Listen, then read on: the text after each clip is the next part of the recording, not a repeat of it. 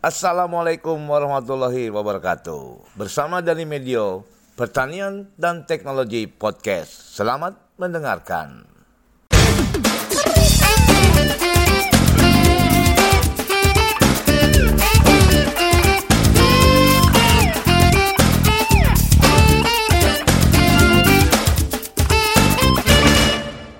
Sobat Tani, kembali bersama dari Medio di podcast kali ini, episode ini akan menampilkan atau akan memperdengarkan wawancara antara mahasiswa Universitas 11 Maret dengan seorang penyuluh pertanian teladan tingkat nasional berasal dari Kabupaten Bogor. Nah, mahasiswa ini uh, mewawancarai bagaimana kiat seorang penyuluh pertanian yang juga seorang perempuan dan seorang ibu dari anak-anaknya yang bisa membagi waktu sehingga uh, penyuluh pertanian ini bisa terpilih menjadi penyuluh pertanian teladan tingkat nasional. Mari kita dengarkan wawancaranya. Mudah-mudahan bisa memberi inspirasi kepada penyuluh pertanian di Indonesia. Uh, perkenalkan Bu, nama saya Rizka Dwi Astari dan teman saya. Saya Ilma Kusuma Wardani.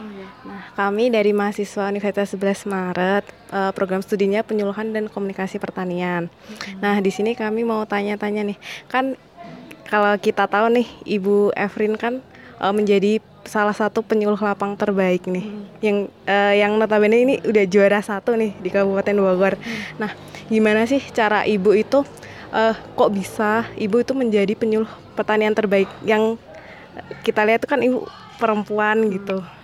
Uh, ini jawab, jawabnya harus serius. Iya, terserah ibu. uh, santai aja jawabnya. Hmm, gimana ya saya juga nggak tahu nih uh, karena juri lah ya yang milih dari sekian mungkin uh, kenapa bisa saya nggak bisa jawab sebenarnya harusnya juri ya. Kenapa dia yang dipilih gitu. Mungkin ya dia melihat juri uh, waktu saya lomba dengan yang lain uh, itu kan yang dilihat Kabupaten Bogor ya waktu itu uh, jadi komoditas unggulan rata-rata di mana-mana itu padi. Di mana-mana kan padi padi padi itu karena komunitas strategisnya nasional. Sementara di saya um, padi ini tinggal dua kelompok gitu. Tapi uh, Cikarawang tuh desa Cikarawang lebih terkenalnya ubi sama singkong ubi sih terutama. Nah itu yang istilahnya kayak pembeda dengan yang lain. Kalau misalnya yang lain cuma padi-padi aja, di sini kita saya memang lebih mengangkat singkong, eh singkong singkong dan ubi, maksud dua itu ya. Uh, karena kalau padi ini mereka dikonsumsi uh, sendiri. Nah uh, si ubi sama singkongnya ini tidak hanya dijual seperti di desa lain yang segar doang gitu. Memang di sini kita jual segar uh, untuk uh, perusahaan saus ya perusahaan saus sama satu lagi kalau singkong perusahaan uh, dulu namanya PT Tita Marta sekarang Green Hope yang produksi kantong ramah lingkungan tuh biodegradable itu. Nah si ubi sama singkong ini kita naikkan derajatnya gitu. Jadi nggak cuma yang uh, kita makan ubi goreng singkong rebus gitu doang. Jadi kita olah lagi uh, menjadi produk diversifikasi pangan berupa tepung gitu berupa tepung tapi nggak berhenti di tepung doang. Kita punya KWT kelompok wanita tani yang itu akhirnya membantu si petani-petani tadi yang menghasilkan tepung diolah menjadi uh, apa namanya olahan pangan berupa ada kalau yang kelompok Pak Ahmad itu kelompok melati situ menjadi brownies ubi jalar terus ada donat ubi jalar ada apa ya dia lagi ngembangin daun ubi jalar juga. Terus untuk singkongnya jadi tepung mokap menjadi uh, pangsit mokaf, terus ada bolu gulung mokaf, ada stick mokaf dan lain-lain gitu. Nah itu uh, nilai plus dibanding yang lain mungkin menyuluh lain ya karena uh, si ubi dan si singkong itu dinaikkan derajatnya. Itu mungkin diterima oleh si penilai itu juri uh, yang tadinya produk eh apaan sih singkong? Anak singkong atau apa? gitu. Wih gila singkongnya sekarang jadi uh, lebih berkelas gitu. Dan mungkin uh, setelah itu kemudian nggak cuma berhenti di situ karena kan yang namanya kalau saya lupa nomor undang-undang yang berapa. Yang jelas tugasnya penyuluh itu harus membina petani mulai dari on farm sampai off farm sampai uh, ke kemitraannya gitu. Jadi tugasnya banyak gitu nyariin pasar dan sampai kemitraannya. Nah di situ yang mungkin belum dilakukan oleh waktu itu saingan saya atau siapa gitu ya penyuluh lain. Jadi mereka hanya berhenti di produk saja gitu tidak melakukan pemasaran lebih lanjut. Nah uh, kalau saya sama kelompok memang secara bertahap membantu mereka untuk pemasaran secara fisik. Dalam arti kita ikutin bazar-bazar uh, juga pasar di kantor ya. Tadi nggak sempit kantor saya ya kita ada etalase gitu. Di situ jualan. Terus uh, secara online juga memang ini masih dipegang di handle sama saya uh, itu kita jualan via website kiosgapoktan.com nanti coba cek di Play Store di situ ada kios Gapoktan ya dan juga memang baru ada beberapa petani yang sudah akses Facebook sama Instagram. Itu buat saya mungkin kalau orang luar itu biasa aja gitu ya. Tapi buat mereka itu amazing lah untuk tingkat sampai ke situ. Karena kalian tahu kan adik-adik ini atau kakak-kakak ini uh, tingkat adopsi mereka tuh bertahap gitu. Ada lima tingkatan gitu kan ya. Nah itu mungkin yang di, dinilai oleh tim juri pada akhirnya kelebihannya di situ gitu. Uh, untuk saya akhirnya bisa. Tapi kan saya bukan sebenarnya saya ini seharusnya uh, hanya sosok uh, yang yang membuat saya jadi begini ya otomatis para petani saya. Karena mereka mau untuk bekerja sama dengan saya kita bareng-bareng ya mengangkat komoditas yang ada gitu. Panjang ya?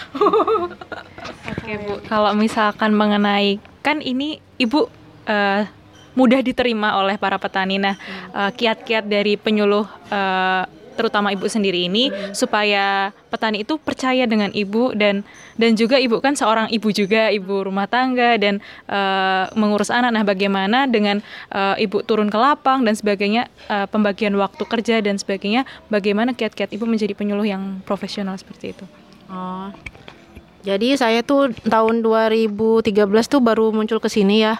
Saya perlu waktu satu tahun untuk benar-benar dekat dengan mereka. Itu wajar tuh kalau menurut senior ya. Jadi nggak langsung datang, ujung-ujung terima. Ih siapa lu? Tadi gituin ke petani. Nggak. Jadi, jadi uh, saya butuh waktu setahun untuk mengenal mereka. Waktu itu saya setahun di sini saya nggak ada yang mengadakan pertemuan kelompok jadi lebih banyak nebeng gitu. Kayak Pak Ahmad uh, suka ada pertemuan saya ikut. Terus uh, sering jalan-jalan ke sini kenalin uh, kenalin sama tokoh desa uh, ikut mereka gitu. Kayak waktu di sana Subur Jaya itu ada namanya tokoh desa Pak Andung. Sekarang beliau lagi sedang sakit ya itu dia mentor saya lah di sini petani loh. Nah, Alhamdulillah mm, dia mau ngajak saya turun nih kenalin ke sini, terus kenalin kondisi wilayah. Misalnya kalau ke gini, kalau misalnya ke kelompok ini harusnya begini gitu. Jadi saya lebih banyak pengenalan di situ. Dan bagaimana bisa diterima itu first impression ya. Sorry ini agak cadel dikit. uh, itu penting banget gitu. Jadi gimana cara kesan kita eh kesan memberikan kesan yang baik ke mereka yang baik itu bukan berarti sopan banget jadi membekas gitu uh, ketika misalnya uh, mereka butuh bantuan. Waktu itu waktu itu waktu saya datang tuh saya lagi kena masalah padi kan baru datang ya. Belas banyak di mana-mana. Uh, terus terang sih saya masih belum ya gimana ya gimana tapi jangan langsung bilang uh, maaf pak nggak bisa. Jangan begitu. Ke petani itu kita harus bisa memberikan uh, spirit positif motivasi yang bikin mereka tuh nggak uh, down gitu. Jadi bilang jangan bilang nggak bisa. Oke pak uh, nanti uh, saya foto dulu uh, saya hama penyakitnya saya uh, lihat dulu nanti saya kondisikan dengan teman POPT saya bawa dia ntar hari apa gitu. jadi kasih harapan ke mereka gitu. Jadi jangan bikin mereka down misalnya bilang saya nggak tahu pak atau aduh pak uh, ntar ya atau gimana gitu lah. Pokoknya bikin mereka terus uh, merasa diperhatikan. Itu first impressionnya ke petani ya kalau ke ibu-ibu KWT kayak ini saya juga bingung ya kan. Emang kan dasar ibu-ibu kali ya. Cuma uh, enak aja ngobrol gitu. Kalau jadi kalau sama ibu-ibu jangan langsung unjuk-unjuk uh, materi kita hari ini pebibitan. Jangan dengerin aja dulu ngegosip apa biarin aja ngomong. Ntar baru Bu, ayo atuh kita mulai ya kayak gitu. Jadi kalau lebih banyak jadi pendengar gitu, tapi bukan berarti ngedengerin terus. Ada waktu skipnya.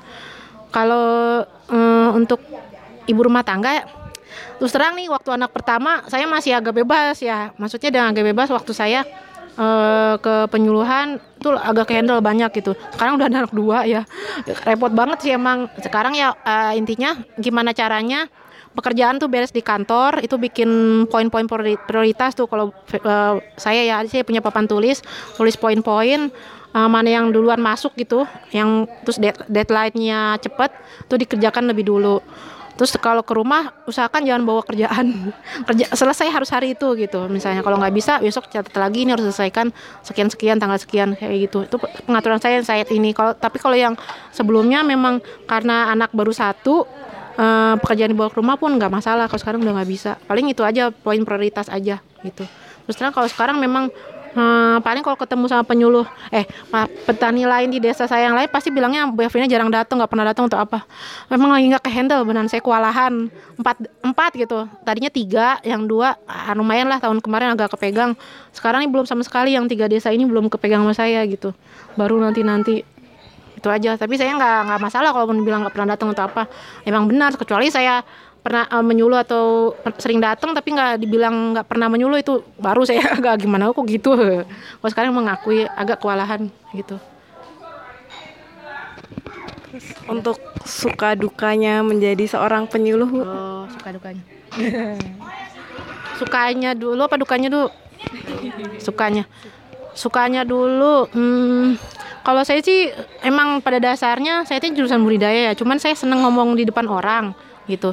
Sukanya itu hmm, ketika apa sih yang kita sarankan yang kita sulukan itu dijalankan oleh petani. Terus uh, mereka tuh uh, apa ya suatu saat pernah bilang bu makasih ya kemarin udah dikasih diajarin kayak gini alhamdulillah nih lancar kayak gitu. Tapi Burni pernah bilang gitu bu makasih udah dibantuin. Padahal waktu itu saya cuma uh, apa sih fasilitasi untuk PIRT ya mereka tuh KWT cuma ngajarin ngisi doang itu mereka sudah seneng banget tuh makasih bu jadi lancar kayak gitu itu udah rasanya uh itu adem banget di sini di hati ya itu sukanya tuh sama kayak kayak Pak Kibi, kayak Pak Dudung, uh, dia ngelaksanain Jerlogowo tuh kelihatan padinya nuh, sono yang kotak sendiri noh, tuh Jerlogowo.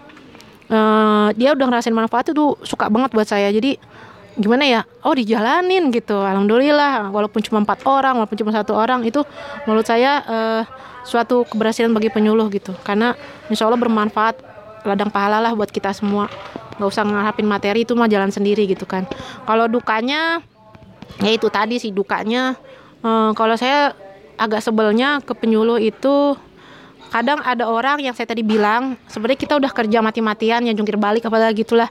Tapi tetap uh, dianggap kinerjanya nggak ada gitu.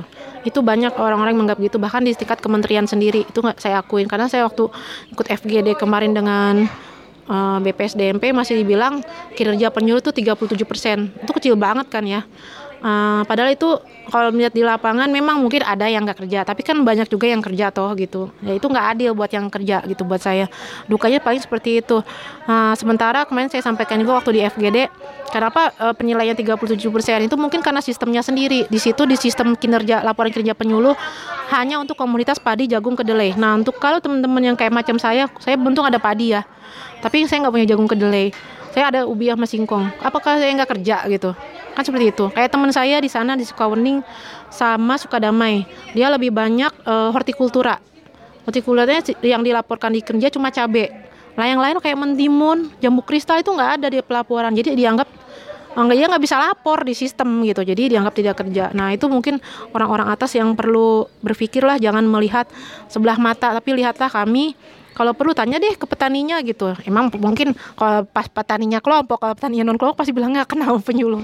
Itu sedihnya paling seperti itu. Tapi kami uh, insya Allah sudah kalau saya pribadi ya udah kebal lah dibilang nggak kerja atau apa biarin biar mereka ngomong sendiri. Coba ntar rasain jadi penyuluh.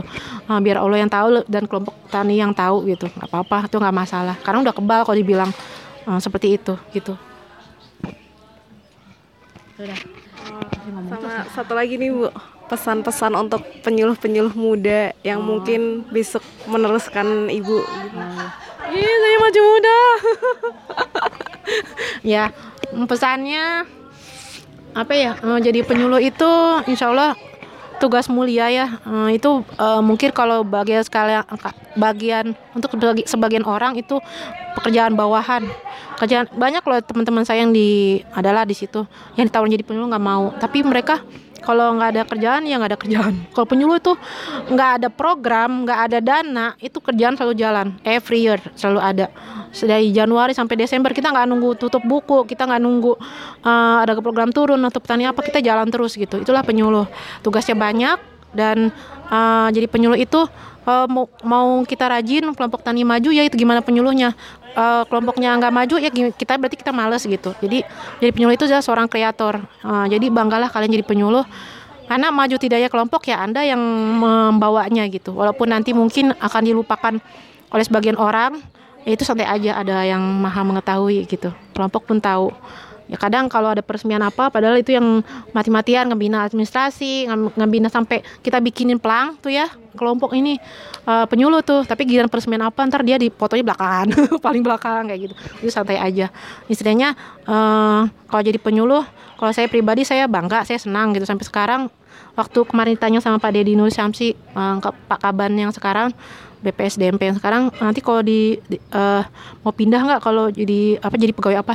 Alhamdulillah sampai sekarang masih tetap jadi penyuluh karena langsung uh, terjun ke perorangan ke petani gitu. Tahu masalah mereka di lapangan seperti apa kayak gitu. Seneng sih karena memang dari sananya udah seneng kayak gitu. Uh, terima kasih buat Bu Evrina karena sudah meluangkan waktunya. Ini merupakan waktu yang berharga bagi kita berdua gitu sudah Bu. Terima kasih. Oh ya, sama-sama. Sobat Tani, demikian obrolan atau wawancara antara mahasiswa magang yang kebetulan pada waktu itu magang di Balai Besar Pengkajian dan Pengembangan Teknologi Pertanian, Badan Litbang Pertanian, di mana obrolan tadi mudah-mudahan bermanfaat bagi kita semua, khususnya bagi para penyuluh pertanian yang ada di Indonesia.